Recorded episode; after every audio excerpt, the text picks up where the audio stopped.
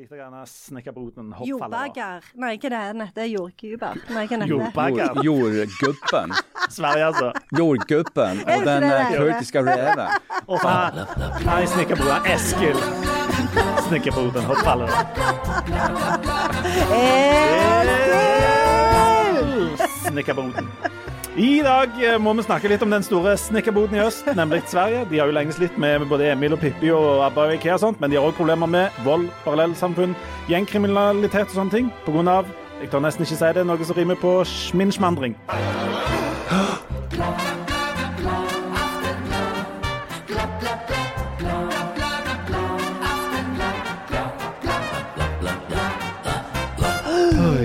Berø- Velkommen til berøringsangst og Q&A Ja, så vi skal bare snakke i rim. Vi skal bare snakke i rim ja, om ting som vi kvier oss litt for å snakke om. Ubehaget i kulturen. Ja, ikke sant? Vi skal altså etter hvert gå løst på en av de eh, tre store. Ikke woke og ikke kjønn, men Nei, det er ikke korrekt tilbehør til kumler heller. Selv om det er et vepsabol. Det, Det er, et vepsabol. Vet dere hva jeg så en dag? Nei. Nei. Eh, nå går vi bare rett inn i vepsebolet, men jeg, jeg har lagt merke til at der, What? Hva er det som skjer? at der gikk brannalarmen, så Det da må gikk vi antakeligvis brannalarm. gå ut. Ta en Men liten hva var pause. det for noe? Det er brannalarm spesial. Er det det? Ja. Ja, på, nå hva, er han bare på telefonen til Harald? Oi. Men det Hva var slags veldig dag spennende. er dette? Det har Jeg trenger et aldri glass gått, vin. eh, Det har Nå er aldri det vært mye. brannalarm i podkasten Nei. før. Men det var bare den ene. Jeg har fortalt om når brannalarmen gikk da vi var i USA en gang. Nei, fortell. Mens vi venter, ser om det er en ekte brannalarm. Vi var i en sånn dritskummel by US, New York. ut, utenfor New York. Isen. Oi. Verdens skumleste by. Vi var der fordi vi skulle gå på en sånn fargebliantmuseum med ungene. Stakkars unger. Dere kan få velge ferien i i år, unger. Hva med fargeblyantmuseet i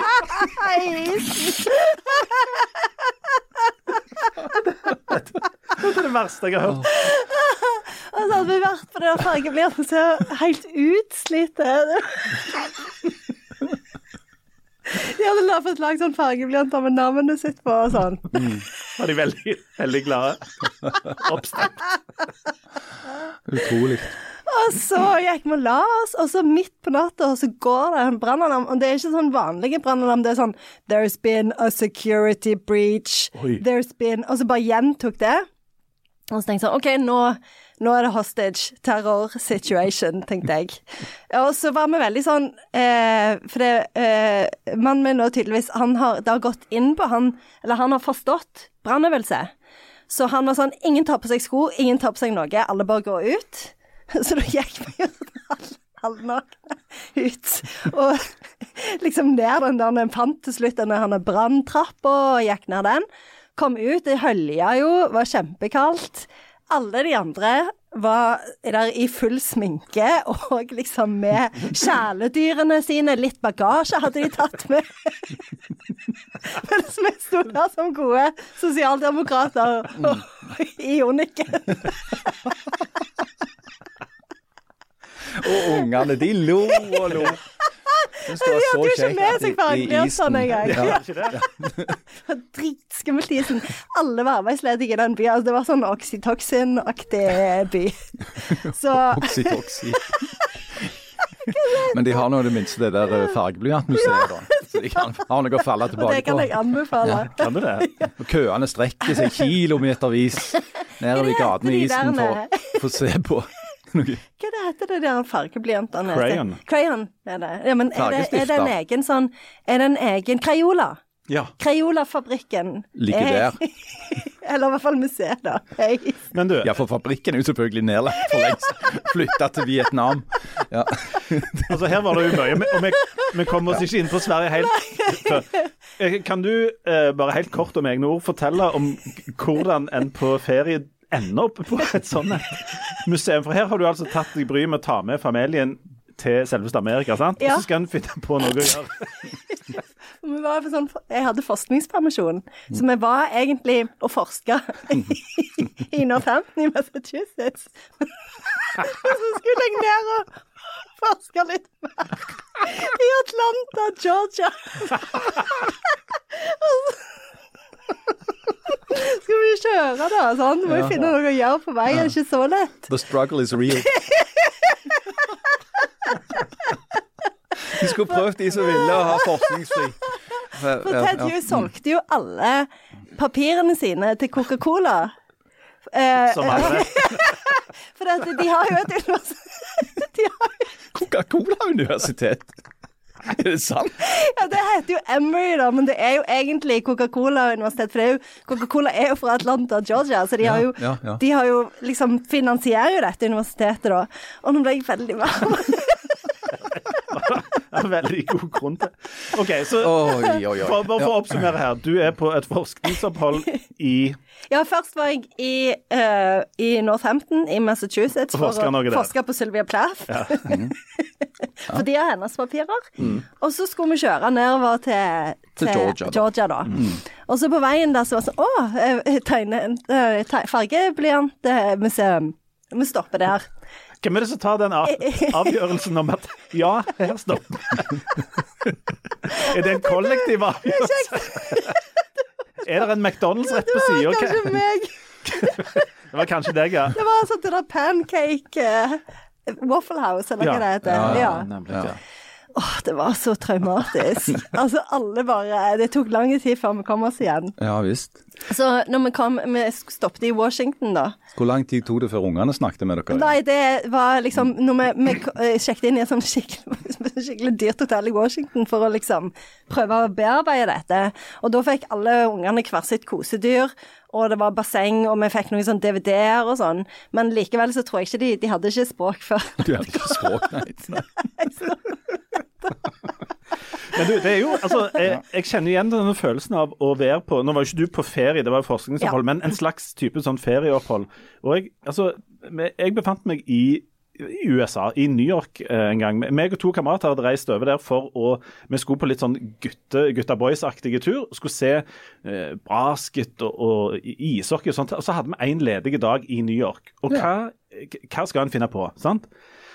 Eh, I New York, det, der er jo eh, der er, jo Det er til- ikke så mye å finne Nei, på. det er ikke så mye. Nei, det, det er liksom Det er ikke så mye som skjer. Nei. For jeg vet ikke om at de har fargeblyantmuseum, der, for eksempel. Men det, det, det som denne dagen eh, etter og Jeg har vanskelig for å for, forklare og forsvare dette, gikk ut på var at han ene Og nå hilser jeg helt konkret hjem til eh, Frode og Odd Kjetil. Frode skal ikke få skylda for alt dette, men denne Odd Kjetil-figuren finner på et tidspunkt ut at han er i markedet for en ny dress. Og så tenk, og, og, og New York, der er det jo, der er jo på hundrevis av forretninger. De har jo mange Ja, ja, butikker der. Mye butikker. Ja. Det der òg er, er en sånn, en, sånn et eh, outlet-mål som ligger ca. i New York, men er litt sånn upstate og langt inni en skog i Huttiheita. Men der, der skulle det da være voldsomme eh, tilbud på eh, sånne, sånne dresser. Så vi tar en svært dårlig avgjørelse på at eh, ja, vi, vi kan ta ut der. eh, Hvor lang tid kan det ta? Å finne ut at vi skal benytte oss av det utmerka. Det, det, går jo verken buss eller tog eller noe ut etter. Så vi må øve på dette Uber. Ja. Så vi avtaler med en eh, sånn som skal komme og hente oss. Vi har litt sånn dårlig føling, med, men vi ser litt sånn på kartet sånn, det kan ikke ta så lang tid. Kanskje ta det en 30-40 minutter eller noe sånt. Det så ikke så langt ut på den globusen. Det var akkurat det de ikke gjorde. Ja, ja. Du legger fingeren på globusen og Og så tenker du å gjøre det Hvor langt kan det være? Det kan ikke være særlig langt. ikke langt. Hvor, hvor stort kan USA være? nei det er ikke, det er ikke stort. Men vi blir altså henta av en fyr som jeg tipper både eh, Konklusjonen vår var at han både lager, distribuerer, selger og bruker narkotika i en Honda Civic. At Honda Civicen er et slags mobilt narkolaboratorium. Akkurat det det er. Ja. Slash Uber. Ja, men, ja. Slash Uber, ja. men han, denne, dette mennesket har da tatt en liten pause for å kjøre oss ut i hutti fuckings heite. Han skulle sikkert levere noe Ja. der ute. uansett. Ja.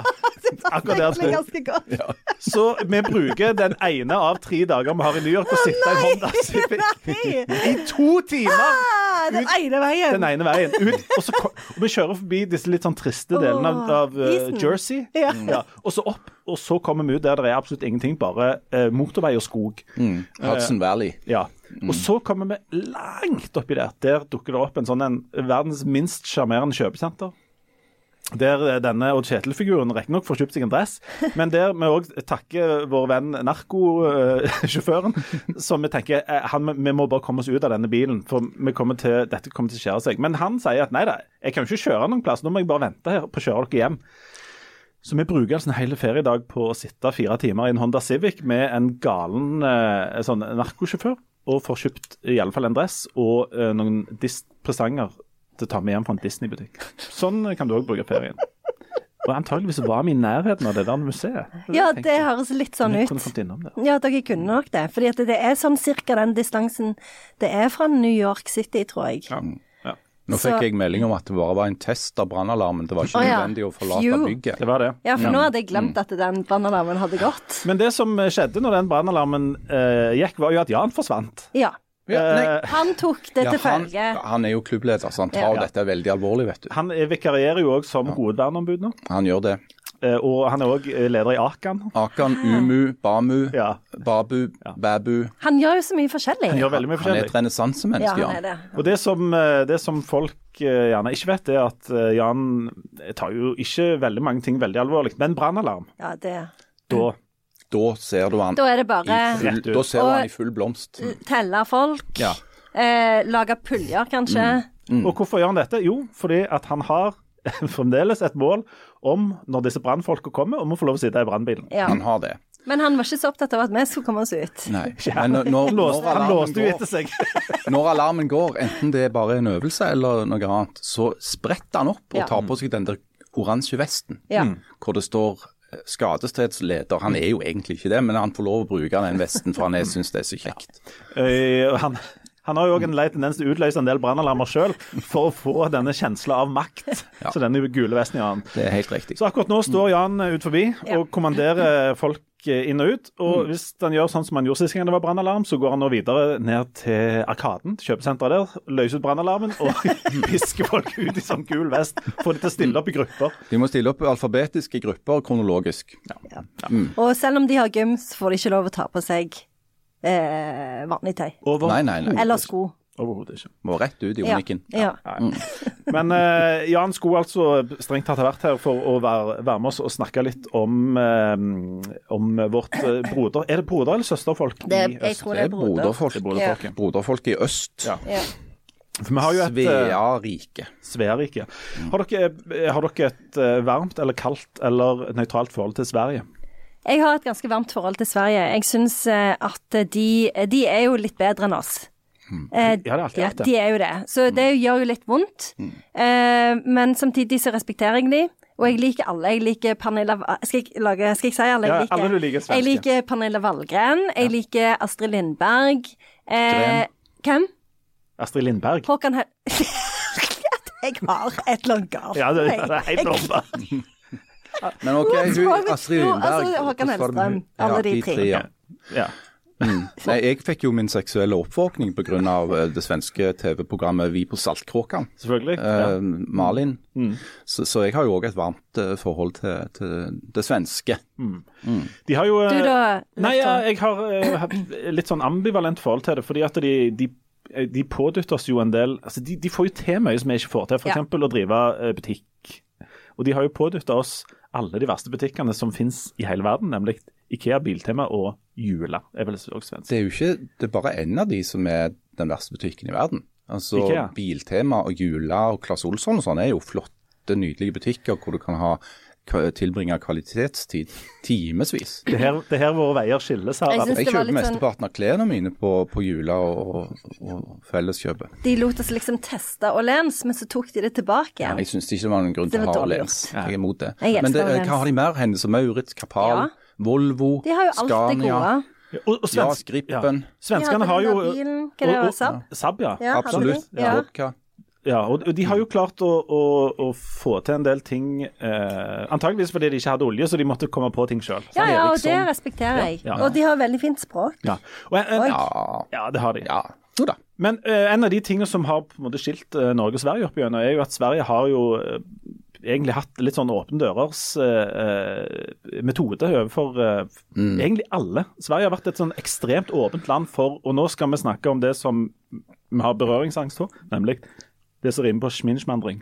For de er jo litt sånn idealister i Sverige. Ja, svandring. Både med, med svinn, eller jeg klarer ikke å si det, og eh, kjønn, eh, likestilling. Mm.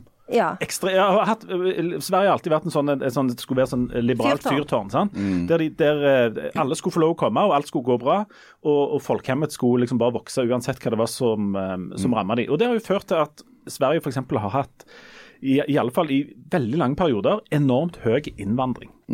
Og øh, svens, det, liksom det svenske, svenske tanken var at dette skulle gå veldig godt. Fordi at folk er folk, og alle er like mye verdt. Og kom til oss, og så skal vi få det til. Og det har jo gått Sånn passe. ja. For nå, særlig nå i det siste, så har jo um, eh, Sverige begynt å få se litt sånn the dark side av dette, av innvandring. Harald, hva er det som har skjedd eh, der ehm, Jeg vet ikke tid vi skal begynne, men siste fem, seks, syv, ti åra, kanskje? Ja, noe sånt? så skal, la oss begynne i 2015, da. Ja, Eh, under den såkalte flyktningekrisen.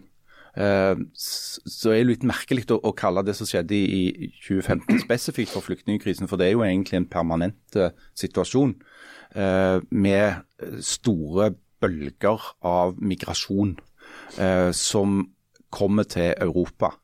Eh, og I 2015 så toppa jo det seg, fordi at eh, krigen i Syria hadde utløst et voldsomt trøkk i, i Tyrkia. eh, og båtene og gummibåtene og de mer eller mindre synkeferdige farkostene gikk jo i skytteltrafikk over Egeahavet, inn på de gre greske øyene, over til Italia fra Nord-Afrika og til Spania. Ehm, og denne situasjonen førte jo til et eh, voldsomt politisk engasjement i mange europeiske land. Vi husker jo eh, Tysklands daværende kansler Angela Merkel som sa ikke sant, dette klarer vi. Vi har das, eh, ta imot. Eh, og et annet land som òg åpna dørene sine i veldig stor grad for eh, migranter i den eh, situasjonen, var, var Sverige som tok imot eh, over jeg mener 160 000 eh, asylsøkere og flyktninger i forbindelse med den akutte situasjonen som oppsto da. Eh, og Bakteppet her er at Sverige har jo lenge hatt en ganske liberal innvandringspolitikk, særlig under den konservative Reinfeldt-regjeringen som satt i åtte år. Eh, Og som satt òg under, under flyktningkrisen i 2015. Eh, og Det som kanskje har karakterisert svensk innvandringspolitikk og skilt den litt fra den som vi har hatt i Norge de siste tiåra, er at han har vært ganske liberal og òg forbundet med ganske få krav. F.eks. så har ikke Sverige hatt en bosettingspolitikk. Eh, Det har vært opp til, til de som ankommer landet selv å, å bosette seg. Um, og Dermed så har du fått en del sånn sammenklumping av eh, store innvandrere og asylsøkere, altså grupper av utenlandske eh, ankomne som, som bor på omtrent på samme sted. I Norge så er det jo en, en desentralisert eh, modell for mottak av asylsøkere og flyktninger. Som betyr at når, eh, når du kommer her, så er det ikke som flyktning, så får du ikke nødvendigvis 100% bestemme selv hvor du skal bo Nei. hen, i alle fall i Du blir tildelt et bosted i en kommune. Utsira, Mo i Rana, ja, altså det er jo ut ifra, ja, at, at kommunene melder seg da, ikke sant, som, som vertskommuner for eh, å ta imot eh, flyktninger og asylsøkere, og, og får da støtte fra det offentlige for å gjøre det. Og tanken bak dette er at I Norge? Ja. Ja, Det er jo at integreringen blir enklere hvis du havner i lokalsamfunn som er i stand til å på en måte absorbere eh, nyankomne og gi dem et nettverk, gi dem jobb. ikke sant? Um, Og du ikke ender opp med sånne store det som er, Kan vi kalle det gettoer i byene i Sverige? Ja, i, det I Sverige har det òg vært uh, sett på tydeligvis som, som litt sånn utidig å, å ha krav til f.eks. språkopplæring. Eh, at det har blitt sett på som, som en, en eller annen form for eh, rasistisk, eller, eller jeg vet ikke hva jeg skal kalle det. det og det å sette krav til at uh, folk som kommer til Sverige skal lære seg språket, f.eks. Uh, og I tillegg så har du jo da òg i Sverige fått uh, sterkere sosiale forskjeller. Fordi at disse her eh, særlig utsatte bydelene har veldig store levekårsutfordringer. Lav yrkesdeltakelse, høy andel av, av eh, beboerne som, som går på en eller annen form for offentlige ytelser. Eh, og på toppen av dette så kommer jo da eh, gjengkriminaliteten som bl.a. er knytta til eh, det illegale markedet for narkotika, men som òg driver med menneskehandel, trafficking, prostitusjon, eh, våpen. Eh, ulike former for eh, kriminell virksomhet som, som typisk har ligget til det du kan kalle mafia, eller organisert kriminalitet. Eh, og Det som har kommet på spissen i Sverige nå, er jo at det har oppstått eh, konflikter mellom rivaliserende grupper av kriminelle, eh, og til dels internt i eh, noen av de kriminelle nettverkene. Og Der en da har fått en eskalering av voldsbruken som tidligere kanskje var mest isolert til å foregå som internt i de kriminelle og mellom de kriminelle miljøene, som nå har begynt å eskalere ved at en har gått etter familiemedlemmer av eh, kriminelle, og òg der det har vært eh, episoder med bombing og skyting på offentlig sted som har ført til tap av liv eh, helt utenforstående mennesker som blir implisert i dette. her. Så, så, svenske myndigheter har jo nå erklært en krise. Har innkalt til, til bredt anlagte møter med størst mulig politisk eh, sammensetning for å prøve å finne ut hva en kan gjøre. Eh, statsminister Ulf Kristersson har jo til og med eh, vært i dialog med Forsvaret i Sverige for å se om de kan bistå svensk politi i å få kontroll over dette.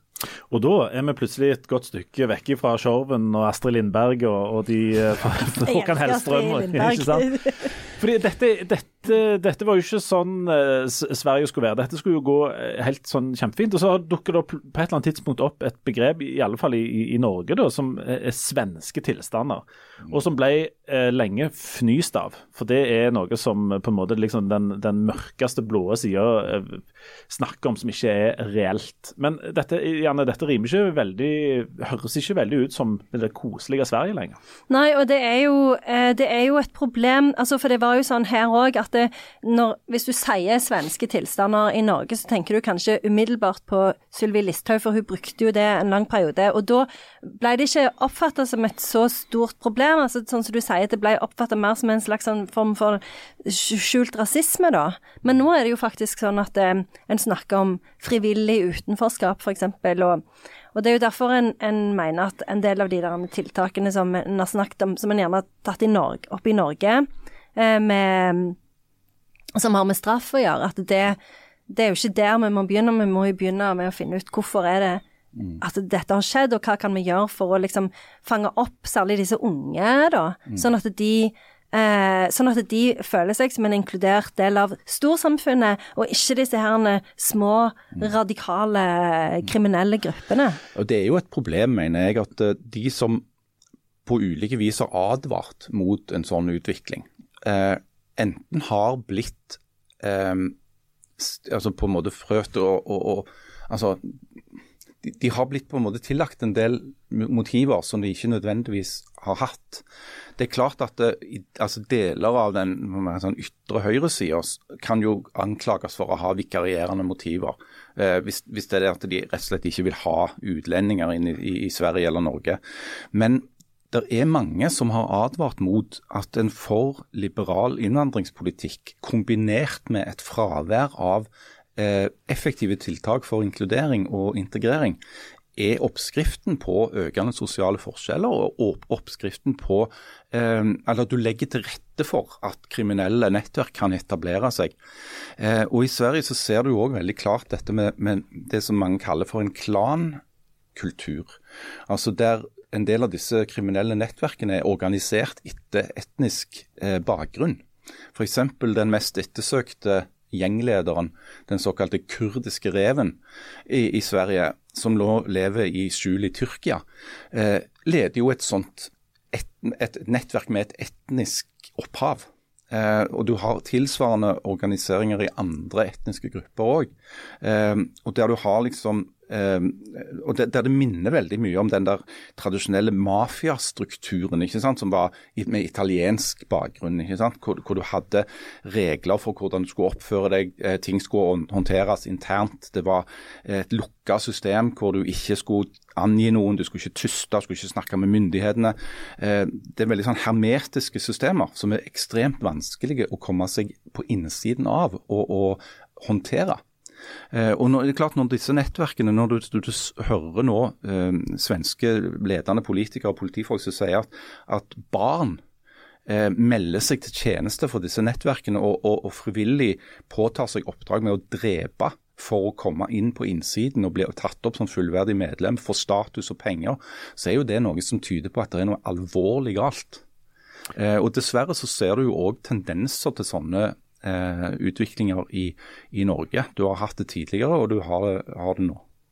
Um, når vi snakker om, om, dette her i litt sånn norsk kontekst, så er det jo ett navn fra litt sånn uh, 80-90-tallet som blinker mot oss. Altså, Carl I. Hagen var jo den som gikk liksom høyest ut og advarte mot dette her. og han ble jo, altså Noen lo av han, og noen ble rasende på han. og um, men, men, han var jo den som på en måte målbar dette her litt sånn i, i liksom den store norske sånn politiske offentligheten øh, først. Er, mm. er, det sånn at han hadde at han, at han fikk rett? Ja, til, til, en viss grad så vil jeg si at de som advarte mot eh, at en for høy innvandring kombinert med et fravær av krav og, og, og tiltak for å få eh, til en god integrering, hadde rett. I den forstand at det vi ser nå, er en konsekvens av eh, kanskje en for eh, blåøyde holdning da, til, til hva, hva, dette her innebærer. Hva ansvar du faktisk tar på deg som nasjon når du tar imot veldig mange eh, utenfra. Som kommer fra til dels veldig forskjellige kulturer, som har eh, lite formell kompetanse. Sant? Det er ikke så lett å få folk inn i arbeid osv. Eh, men samtidig så er det jo er det jo sånn at vi må huske på at når vi diskuterer dette, her, at de aller, aller, aller fleste som har ankommet Sverige eller Norge eller Tyskland eller hvor som helst de siste eh, tiårene, er jo helt vanlige, anstendige folk som ikke er kriminelle. Ikke det, er ikke, det, er jo ikke, sånn at, det, at innvandrere per se er eh, et problem.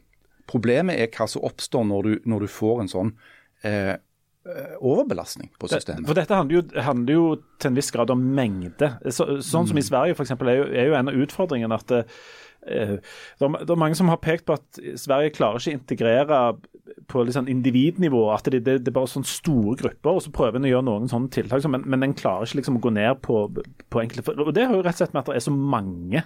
Ja, og det er det gjort forskning. Det er jo gjort forskning på det. Altså hvor, hvor mye innvandring kan et samfunn tåle, hvor mye klarer en faktisk å integrere. Eh, så, så det, er jo, det, er jo, ikke noe sånn Det er jo sånn som Harald sier, at, at du, selvsagt alt kan jo brukes i på en måte med onde hensikter, eller for, for, for, av folk som har en egen agenda med det. Men, men, men, dette er jo Det har gjort objektiv, nøytral forskning på hvor mye kan Og der har jo mm. Sverige eh, sprengt alle rammene. Alle rammene, ja. ikke sant. Ja.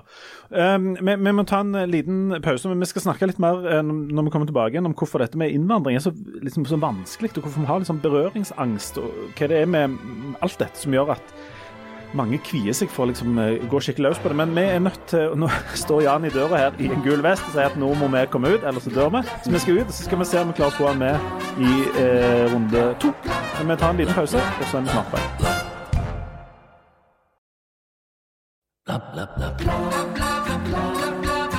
Og hjertelig velkommen tilbake. Eh, vi fikk lov å gå inn igjen av brannvernleder Jan Sahl. Takk, brannvernleder Jan Sahl. Veldig glad for det. Tusen takk. Han sitter nå oppe og godsnakker for å prøve å få lov å komme inn i brannbilen og bli tatt bilde av. Mm. Uh, kommer han til å bli med i deres podkast? Antageligvis. Ja. I Brannpodkasten. Brannpodden. Uh, vi sa at vi ville veldig gjerne ha han med at han måtte prioritere, og det har han nå gjort. Ja. og han har prioritert den gule maktvesten. Jeg trygla og ba de om å la han få lov å trykke på den der babu-knappen, for det at jeg vet at da hadde han kanskje liksom kommet ned igjen til oss. Ja, ja. Men uh, foreløpig så får han ikke lov. Så det, der står saken akkurat nå, da. Siste jeg hørte han sa var, når han hadde blitt tatt bilde av, var jo hvor stor oppløsning er det på det, så, altså hvor stort han kunne få trykt opp. i sånn, om, han, om, det holdt til sånn to ganger én meter. Og så er det vel spørsmål om de har en hjelm mm. som passer. Som passer i han? Ja. ja. Det. De har jo ikke det. Ingen har det. De må lage sånn kombinasjon, så de må smelte om fire hjelmer til én hjelm. Han har jo så kolossalt stort hode. Ja, og det er jo ikke noe mer, det er jo han som har tatt det opp sjøl. Mm. Definitivt. Ja, ja, ja. Han, han har Mang en gang. Ja. Han skulle jo kjøpe sånn hatt i Syden, sant? de måtte ta to hatter. Ja, ja. og så Teipa de. Sveiste de de nærmest de sammen, sammen, sånn. Mm. Og det dekte fremdeles bare halve av. Nei, Jan eh, kunne ikke være med. Han står ute og dirigerer folk i Ja. gul fremdeles. Eh, mens vi eh, prøver å snakke om innvandring. Åh, ja. Eh, innvandring er for mange veldig vanskelig å snakke om, fordi at innvandring er i alle fall to ting. Du har innvandring, og så har du innvandrere. Eh, og dette sauses jo eh, delvis sånn i sammen. Og med en gang du begynner å snakke om innvandring som fenomen og som statistikk og sånt, så eh, kan du bli beskyldt for å hate innvandrere og være rasist. Er det derfor, Janne, dette med innvandring og konsekvensen av det er så vrient for mange? Ja, fordi at du blir jo veldig fort stempla som rasist, og særlig eh, nå i dag hvor ting blir veldig fort skrudd opp til 11, og du blir liksom av eh, internettet og sosiale medier så blir han jo veldig fort misforstått, og så derfor kvier han seg for å, for å si noe. Eh, men, eh, men det er jo klart at det, altså det handler jo om Vi har jo en plikt til å ta imot mennesker som er på flukt, eller som ikke kan, kan, eh, kan bo eh, eh, der som de gjerne kommer fra. Og Og der som de kommer fra, ja. Hva mener du med det? Det ja, sånn det er jo nettopp det. det, er jo nettopp det. Så en, en må jo velge ordene sine veldig, veldig nøye. Og så har en jo plikt til å lage et godt samfunn for alle som bor her.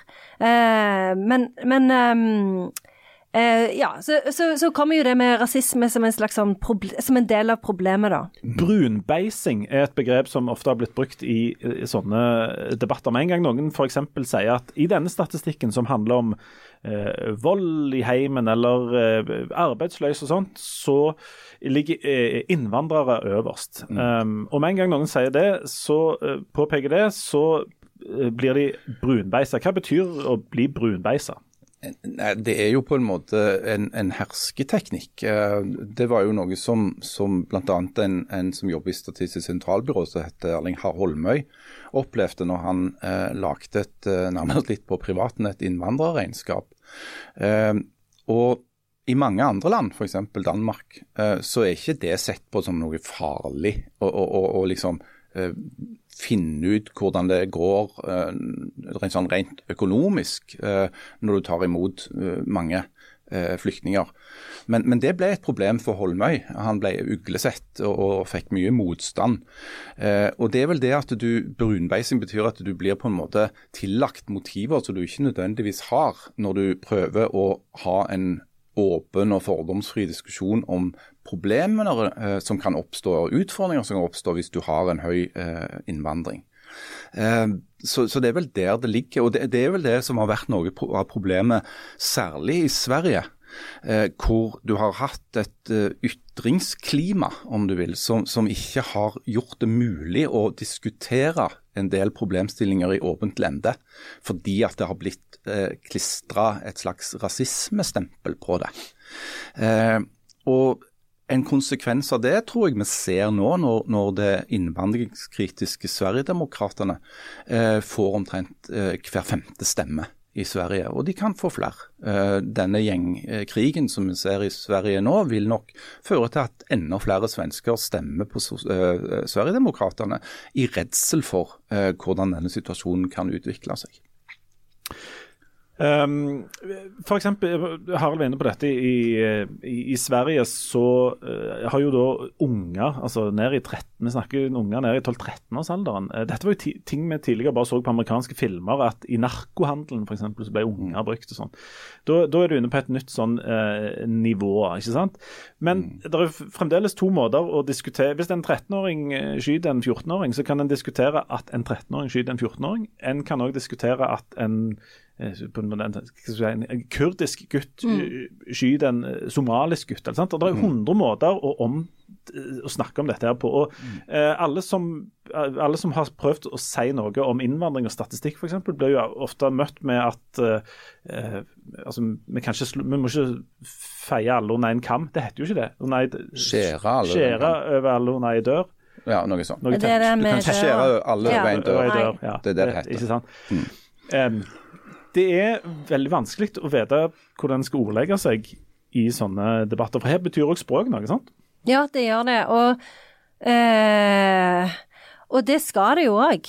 Eh, fordi at det, eh, det er jo ingen tvil om at språk er med på å gjøre et samfunn potensielt mer rasistisk. Så en skal jo være veldig forsiktig, og en skal jo For, for målet er jo uh, å ha et samfunn hvor en ikke ser f.eks. på på hudfarge eller etnisk bakgrunn eller hva det skal være. Så, så det, men det er, det, så, en, så, en, skal jo være veldig forsiktig, men akkurat nå, særlig i vår egen tid, så er det jo eh, sånn For eksempel, en snakker jo eh, veldig fort om sånn kulturell appropriasjon. Det er jo eh, noe som kan få deg til å bli kansellert. Eh, så, så, for eksempel, hvem var det det var? Det var noen som hadde blitt tatt bilde av med sånn eh, dreads. Ja. Eh, og det, så de var kansellert nå, jeg husker ikke hvem det var. Mm. ja, det, det, det, er ofte så det er ikke så mye som skal til. Men, men altså det, jeg husker òg tilbake i 2015, altså når denne flyktningkrisen var på sitt verste. da, så var det jo en kampanje i norske sosiale medier som heter 50 000 er ikke nok. Husker dere det? Mm. Og da var altså Forslaget som forelå, det var liksom ta imot 50 000 flyktninger. Og noen mente at det var langt fra nok. Eh, mange av de som sa det, de spesifiserte ikke hva de mente ville være nok. Um, var det 100 000, var det 200 500, Ingen vet egentlig. Men, men signalet var at 50 000 var iallfall altfor lite. Eh, jeg tror når fasiten ble at, at, Norge tok imot akkurat i den fasen rundt 30 eller litt over 30 000. Eh, I tillegg nå har jo alle ukrainerne eh, kommet, ikke sant. Som, som tallet har jo blitt atskillig mer enn 50 000 sammenlagt. Men det handler òg om en form for og, og, igjen, altså Der har du jo Sylvi Listhaug, som introduserte begrepet godhetsposører. Eh, og med fare for, eller jeg vet jo at de vil bli kritisert for å si dette, men det å eh, sette en plakat på Facebook og si 50 000 er ikke nok, er en form for posering.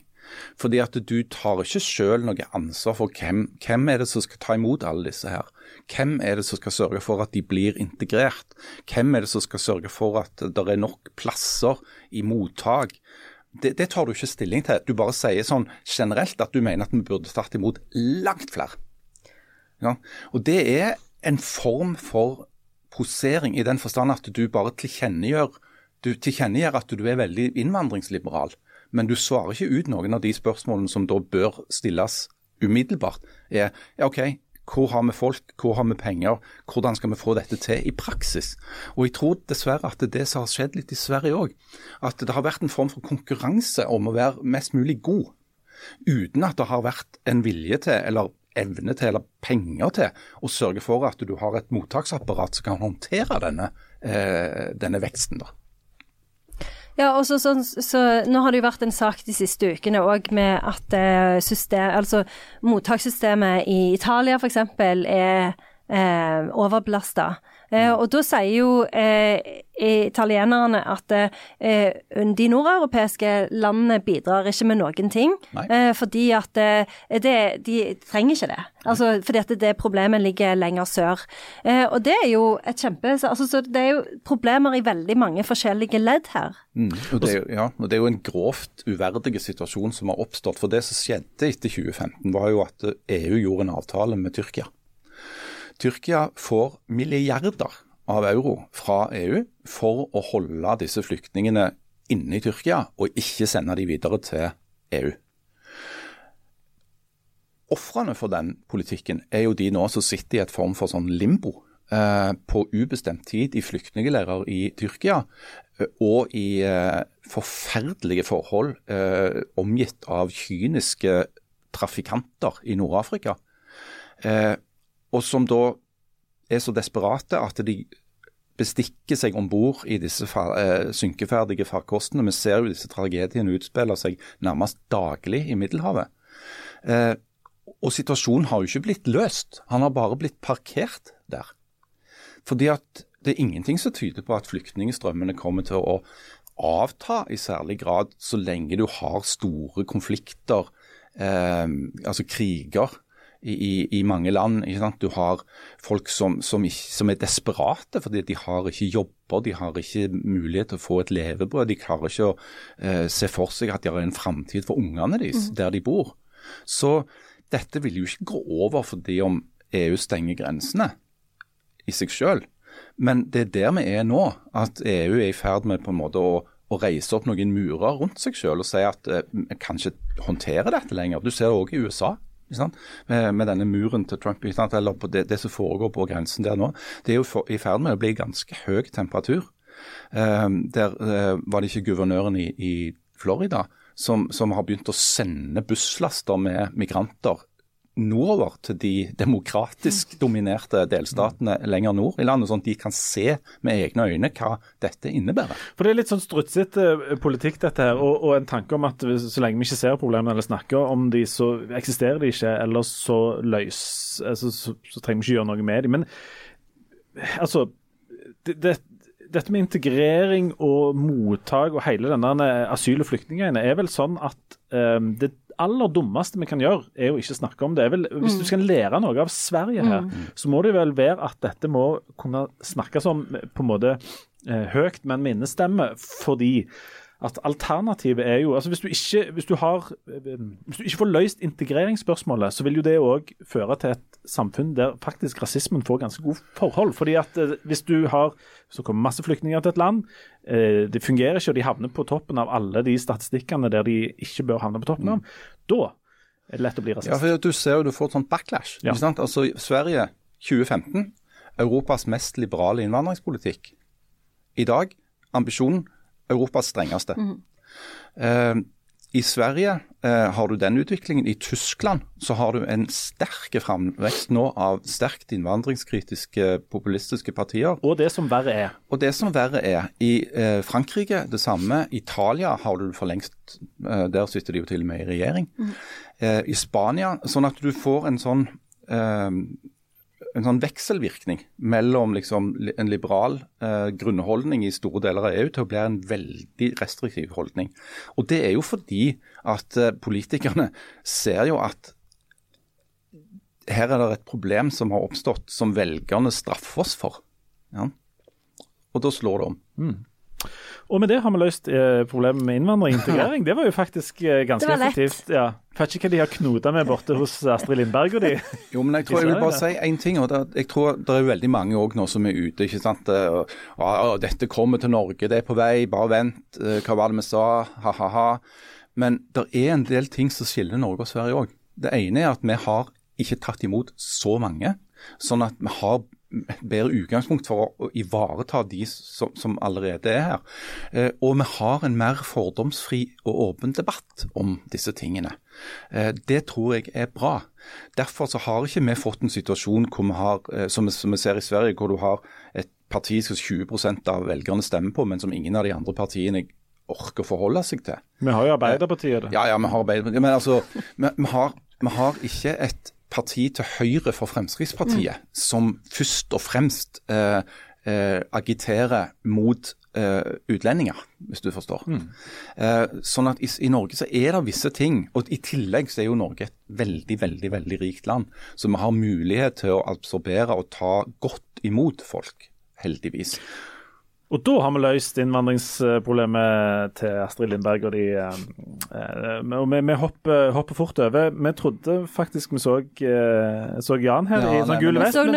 Det var en sånn barnehage som gikk forbi. Ja. men en av de hadde veldig veldig stort hode. Ja, ja. ja, Og han gikk og sang veldig på den Brannmann Sam-sangen. Stole på Ingen er så kjekk som ham. Er det om de synger? Om de synger 'Ingen er så kjekk og stram'. Ja, jeg tror det. Og det, var det er veldig sånn, sånn utseendefokus på, ja. på barne-TV. Han, han, er jo ikke, hvis vi skal være helt ærlige, han er ikke så kjekk heller. Han er Brannmann Sam? Ja. Nei. Og så har han den dusten av en gutt som, som føler oh, ja, har han en kompanjong som er er ikke det? Ja. Ja. Det er folk som har gjort selvfølgelig forsk Dette forsker på, mm. altså, alt er forska på, bl.a. tegnestifter. Objektiv forskning. Mm. Eh, der de hadde gjort en sånn en eh, analyse over hvor ofte Altså hvor mange hus er det i en landsby, og hvor ofte brenner det? Det er jo et, eh, åpenbart et purmanområde Jeg. Jeg tror det er brannmann Sam sjøl. Det er en sånn korpssituasjon. Det er en av teoriene. Ja. Ja, sant? Brannmannsam er nødt til å skape Altså, Han må skape sine egne rammevilkår. Du får ikke mer brann enn du lager sjøl, for å si det sånn. Og hvordan vet han alltid hvor han skal ja. Ha, ja. Strålen i Ja, ja. Det, Og det- suspicious. Alt, og den, jeg skal ikke si at denne forskningen ble gjort av Jan Zahl, men jeg skal ikke si at den ikke ble gjort det heller. Uansett, vi har uh, samla opp noen spørsmål fra lesere før vi hopper over i, i, i, i Jannes hjørne. Så Oh, jeg har gleda meg sånn Ja. til Jannes hjørne, for det er så lenge siden. Ja. Jeg òg. vi må bare få, få, få For det er et av disse spørsmålene som toucher bitte litt borti det som vi har snakket om nå. Mm. Dette spørsmålet fikk jeg i morges. Med spørsmål om eh, Hjemme hos deg sjøl. Nei, ikke hjemme hos meg sjøl. På en sånn, sånn en tekstmelding. Å ja, Og så med sånn eh, haleheng. Lykke til med å diskutere dette. OK. Oi. Eh, Dette skal ikke være en sånn en jeg, og jeg har sagt det før, dette skal ikke være en spalte hvor jeg blir kritisert. Nei, nei.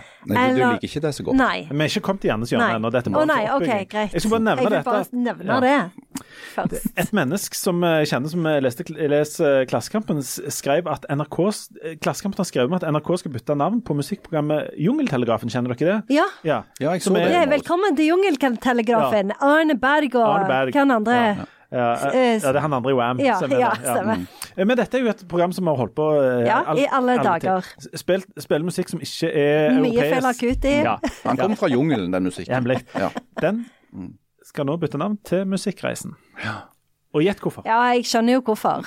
Ja. Det er jo av Josef Konrad og Arthur Moralpolitiet har vært ute her. Og Det er jo av at Ja, det det kan er være jo ikke bra. Men kan det være belastende? Ja. Jungeltelegrafen. Ja, kan du ja. forklare hvorfor det er belastende? jo, jo, men det er jo akkurat så eh, Når eh, Josef Konrad skrev 'Heart of Darkness' i 1901, var det vel, så beskriver han jo en reise nedover Kongo-elva, hvor eh, Marlow til slutt treffer Marlon Brando. Det er oppover. Det er oppover Ja, elva. Det er ikke nedover. Ja, oppover elva.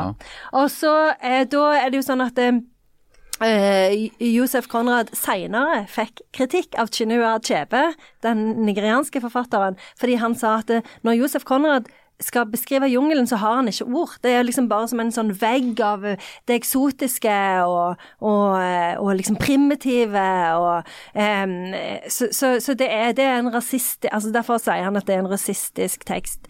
Eh, og Jungeltelegrafen, det er jo masse sånn altså, Det er jo liksom lignende assosiasjoner. Ja, jo som sånn skjuler seg alle- inni den der jungelen. Alle de som ikke driver med sånn vestlig popmusikk, de må Ja, per er definisjon bo i jungelen. Ja. Så. Og det er jo Mm. liksom akkurat så i, Før i, så hadde han jo eh, I bokhandlere så hadde han jo Women's literature var jo ei, Ja. egen- ei, ei egen hylle. Så liksom, Er det ok, ikke det må- nå? Nei, jeg tror det. Jeg Nei? tror, det er lenge siden jeg har sett den hylla, men det er jo ikke så lenge siden den hylla fantes. men altså, for dette... Ja, nei, jeg trodde det var sånn. ja, og jeg håper jo Jeg håper jo det er Jeg sånn. òg. Ja. Dette radioprogrammet som vi snakker om, det har jo alltid spilt det som eh, tidligere kaltes world music, Ja. men som nå ikke heter det. Fordi world music er det, det, det, altså det Ja, for det er jo bare music. Ja, det, da- altså, de, de spiller musikk som ikke er europeisk, amerikansk popmusikk og, eller klassisk musikk. Sant? Altså fra andre deler av verden. Og, og, du- og world music, det skal vi Det er heller ikke lov å si. Nei, fordi at da tar du utgangspunkt i at Europa og, og, og USA er liksom sentrum. Resten Ja. er bare verden. Ja, for det er- Det er et sånn et Så- sentrisk Ja. utgangspunkt. Og så ja. skaper du liksom et bilde av det at er det er heller lov å oss, si. og så er det de andre. Nei, Hva er det så- hva er det heter nå, da?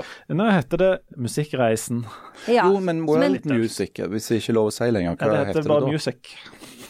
Ja, men det Men det er jo, sånn gir jo mening. Det gir jo mening. Det gir jo ikke mening, for det er jo Jo. et fullstendig meningstomt. Så hvis du ikke kan ha et begrep som får skille mellom den type musikk og den type musikk men du kan jo snakke om en type musikk som gjerne på en annen måte. Altså, du trenger ikke bruke geografi, for det er jo en enormt lamt lam kategori. World music, hva, hva betyr det, liksom? Det er jo sånn resten. Ja, ja, men det er jo veldig lam Det er sånn som i politikken. sant? Du har de, politi, de, de partiene som har navn, og så har du de som bare heter andre. ja, I Stavanger så har World Music alltid vært den der ene, den ene konserten med de du aldri har hørt om på Ja. Folken som Terje Vallestad Ja, ja, det var. World Music, så var vi fornøyd med det. Uansett. Eh, Så du Ja. mener dette er greit? Ja, absolutt. Okay, greit. Um, eh, et kort svar på dette. Vi har fått enormt mange Det virker som dette med synkehull har fått seg en oppsving i det siste. Ikke snakk om det Vi har fått enormt mange tilsendte bilder av synkehull. eh, på enorm størrelse. Og da eh, Ja. naturlige oppfølgingsspørsmålet er jo er det noe nytt fra ditt eget synkehull. Ja, det er det. Um, altså, det, det er jo ikke noe det er ikke noe sånn dramatisk som skjer, men det er sånn I motsetning til før, der det, det- har jo vært en enorm dramatikk. Ja, men det er sånn en, en jevnt nedadgående trend. Men er det en jevn synking, Eh, er eller er det disse her folka i gule vestene? Deler av, av eiendommen synker. Eh, og det oppstår nå, men heldigvis har de jo, jeg har fortalt dette før, flytta seg ut i, i eh, gatenettet. Ja, så nå er det kommunen Det er på en måte. Stavanger kommune sitt problem, men det er jo på en måte mitt problem òg. Fordi at det, det er jo Det virker jo som om, om deler av, av, av eiendommen, altså vi snakker om det for å være helt nøyaktig, da, det sørvestlige hjørnet er på vei ned i en form for avgrunn. Ja, altså, Eh, Og der står bl.a. epletreet mitt. men er det romvesen som har lagd eh, ganger under bakken? Er det det som har skjedd? Nei, jeg tror det er Statens vegvesen. Ikke romvesen. Eh, det, de har holdt på med noen greier, og så har det gått galt. Statens romvesen. Statens romvesen. Jeg tror det er deres feil. Jeg velger å si det. Og det er en avdeling som du ikke hører mye om. Nei, do you hear me, Statens romvesen? Det, dere har en jobb å gjøre oppe i eh, krysset Orknøgata og Hammersdals på, på Kjellandsmyra. Men eh, jeg skal bare spørre om dette. Stemmer det at du på et tidspunkt har ambisjoner om å reise og besøke verdens største synkehull? Det er korrekt. Og I, i uh... Mexico. Å oh, ja, i Mexico? der! Er det der er verdens De største kaller de for senoter. cenoter. Cenoter.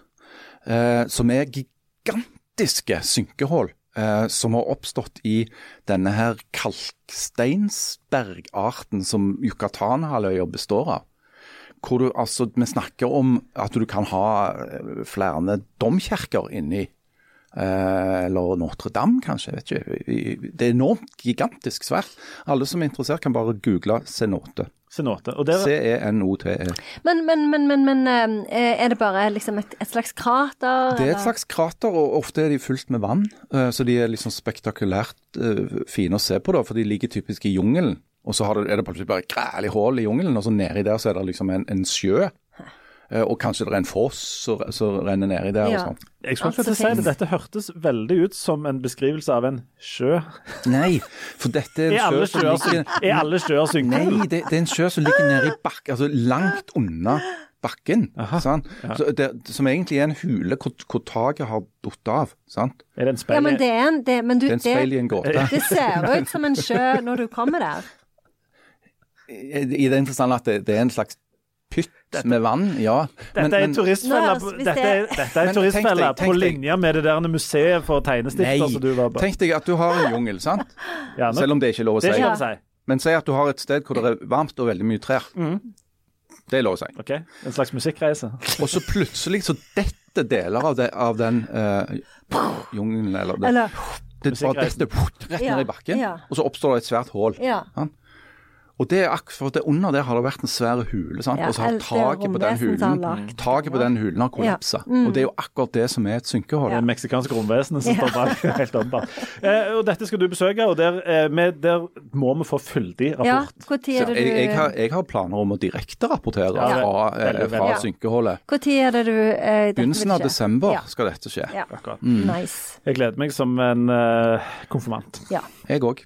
Eh, veldig bra. Da Er, det- er det Janne Sjåne nå? da skal vi eh, for første, Mhm, første yes! gang på alvor få stifta bekjentskap med Janne Sjåne. Eh, meg og Jan skulle jo synge en jingle her, men han Ja. er fremdeles ute. Nå har han Hvorfor begynt å kan ikke dirigere. jeg kan synge? Ja, La meg få en eh, liten jingle. Ja. Hva for en skal vi ha? eh, nei, altså nå kan du improvisere litt. Men Vi hadde jo den som vi før alltid hadde når jeg hadde tre kjedelige minutter. Da, da, da, da, da, da, da, da. Ja, men Skal ja. jeg, få- skal jeg få en gammel jingle? Nei. Nei, det kan du ikke. Det må Eh, være noe mer sånn Jannes hjørne, Ja. Jannes hjørne, Jannes hjørne, halleluja.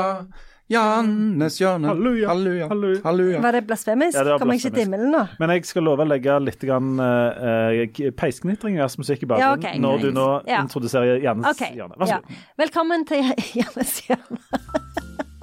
I går så eh, kom det jo Time Magazine ut med ei liste over de 100 beste mystery and suspense novels. Eh, som var skrevet eh, noen gang.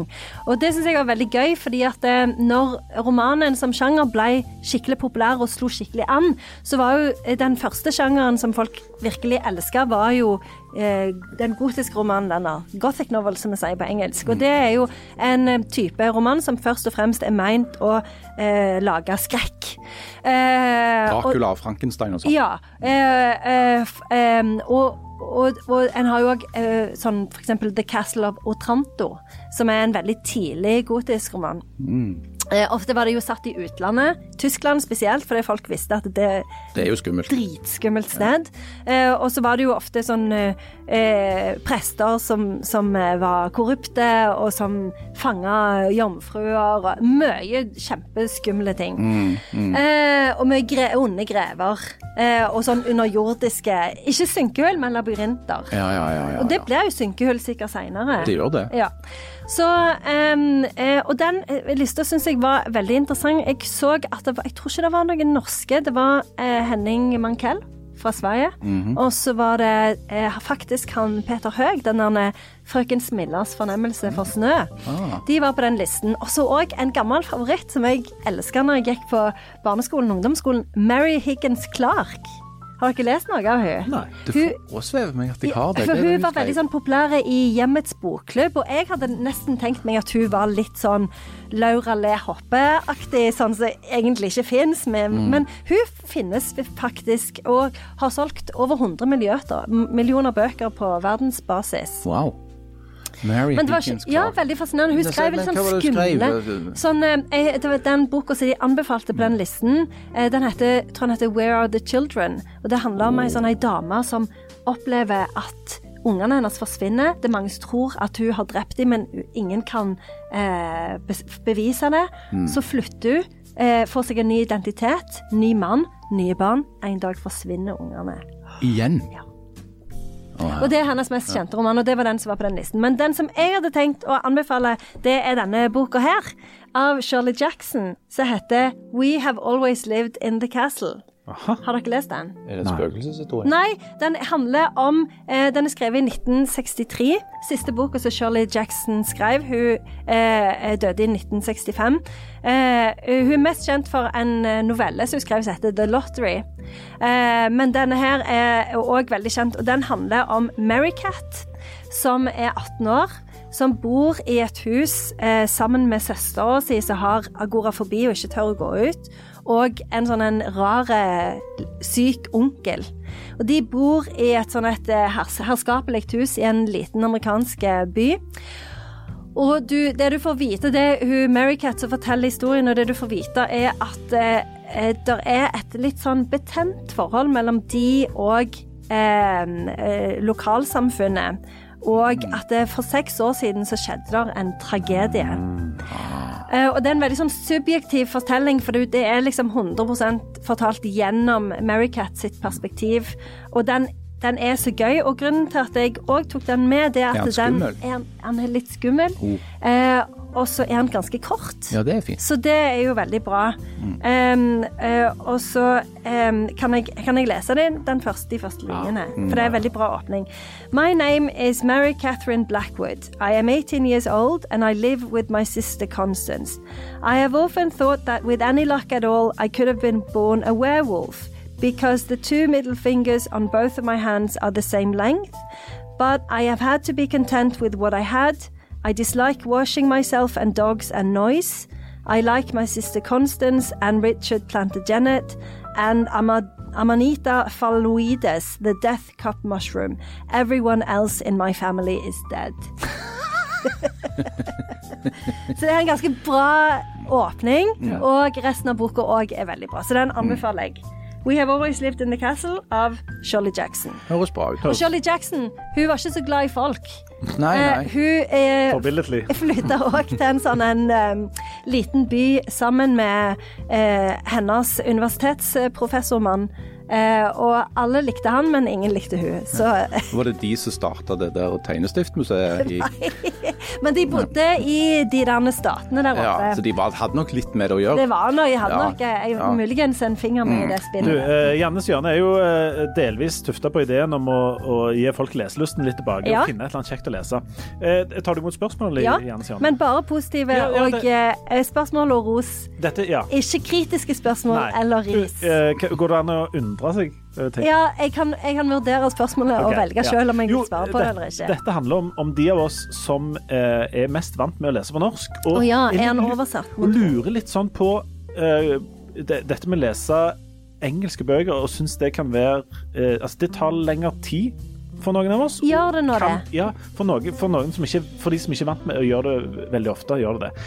Um, Fins det triks i ludo for å uh, lykkes med engelsk lesing? Undres en leser her. Folk er jo eh, ofte litt sånn uh, på lydbøker, at de syns kanskje lydbøker er lettere fordi at de eh, Fordi at da eh, uh, De er vant med å høre engelsk på TV. Jeg er ikke så glad i lydbøker. Eh, personlig. Men eh, jeg bare tenker at du, du må Altså, det, det, som er bra med å sette i gang med denne boka, da, er at den er veldig lettlest, og det er veldig sånn eh, enkelt språk, og den, den, er ikke komplisert. Sånn, jeg ville ikke satt i gang med Charles Dickens, liksom. Mm, jeg er helt det, enig når det gjelder det med lydbøker. Det er to ting jeg aldri hører på. Det er lydbøker og podkast. okay.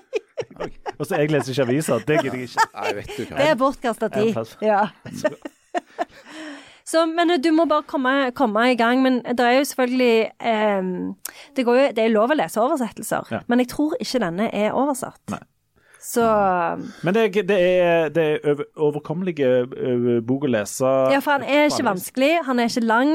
Eh, han er, det som er fordelen med å lese engelsk, er at det, eh, du kan Altså, engelsk har ikke utvikla seg så veldig mye, så det er ganske likt. Så, litt sånn som Jan? Ja, litt sånn som Jan. På en måte litt sånn som Jan, ja. Nå står Jan ut forbi her og, og og vifter med den dumme gule vesten. han har tatt på seg? Altså, jeg orker ikke å gå ut og Hvorfor liksom har han sånn ropert? Gå vekk, Jan. Gå vekk. Hvorfor står han fremdeles med de barnehageungene i de der andre vestene? Ja, og hvorfor er de inne? Burde ikke han ta dem med ut? Jeg lurer på om de ungene ikke får lov å gå ut av Jan. Men det, det er noe De har funnet sånn maktfellesskap, tror jeg. Er Jan lederen til de ungene nå? Jeg tror det. Jeg tror det er det. Endelig har han funnet noen han kan vel lete. det satt langt inne. Det tok noen og 50 år. Ja, han har funnet sin gjeng. Du, bare helt til slutt. Hvis du skulle, uh, hvis du skulle argumentert for eller mot folk som reiser til USA for å gå på dette tegnestiftmuseet som ramla litt utpå meg i starten her, kan du si det mest positive og det mest negative med akkurat dette museet? Positivt og neg negativt var at det var enormt bråkete. Det var noen sånne folk fra eh, New York City, en slags menighet, da, mm. som hadde tydeligvis lagt uh, søndagsutflukten til dette. Men det tegnestiftmiljøet er jo veldig bråkete. Og de tok så mye plass. Ja, det var, det var veldig, veldig bråkete. Det som jeg anbefaler, var at du kunne se Du kunne eh, det var sånn, et rom hvor det var en sånn skjerm med mange tegnestifter som danste. Og så skulle du liksom stå der og prøve å danse sånn. Hent meg nå, Jesus. Dette er for et argument for Nei, nå, Tobias, har du bild, om du har bilder fra dette? Jeg, jeg tror jeg har noen bilder. Jeg skal se om jeg finner dem. se om du kan få lagt de ut. Ja. Vi vil gjerne ha et bilde av Janne dansende til tegner på Tegnestiftmuseet. Okay, vi må bare jeg, jeg, jeg måtte hatt han der narko-Uber-sjåføren med på den turen. hvis det skulle blitt Han er den eneste som kunne redde oss. Jeg, jeg vil ikke anbefale å reise til Easton. Det vil jeg ikke, for det var ikke noe trivelig by. Det kan jeg love.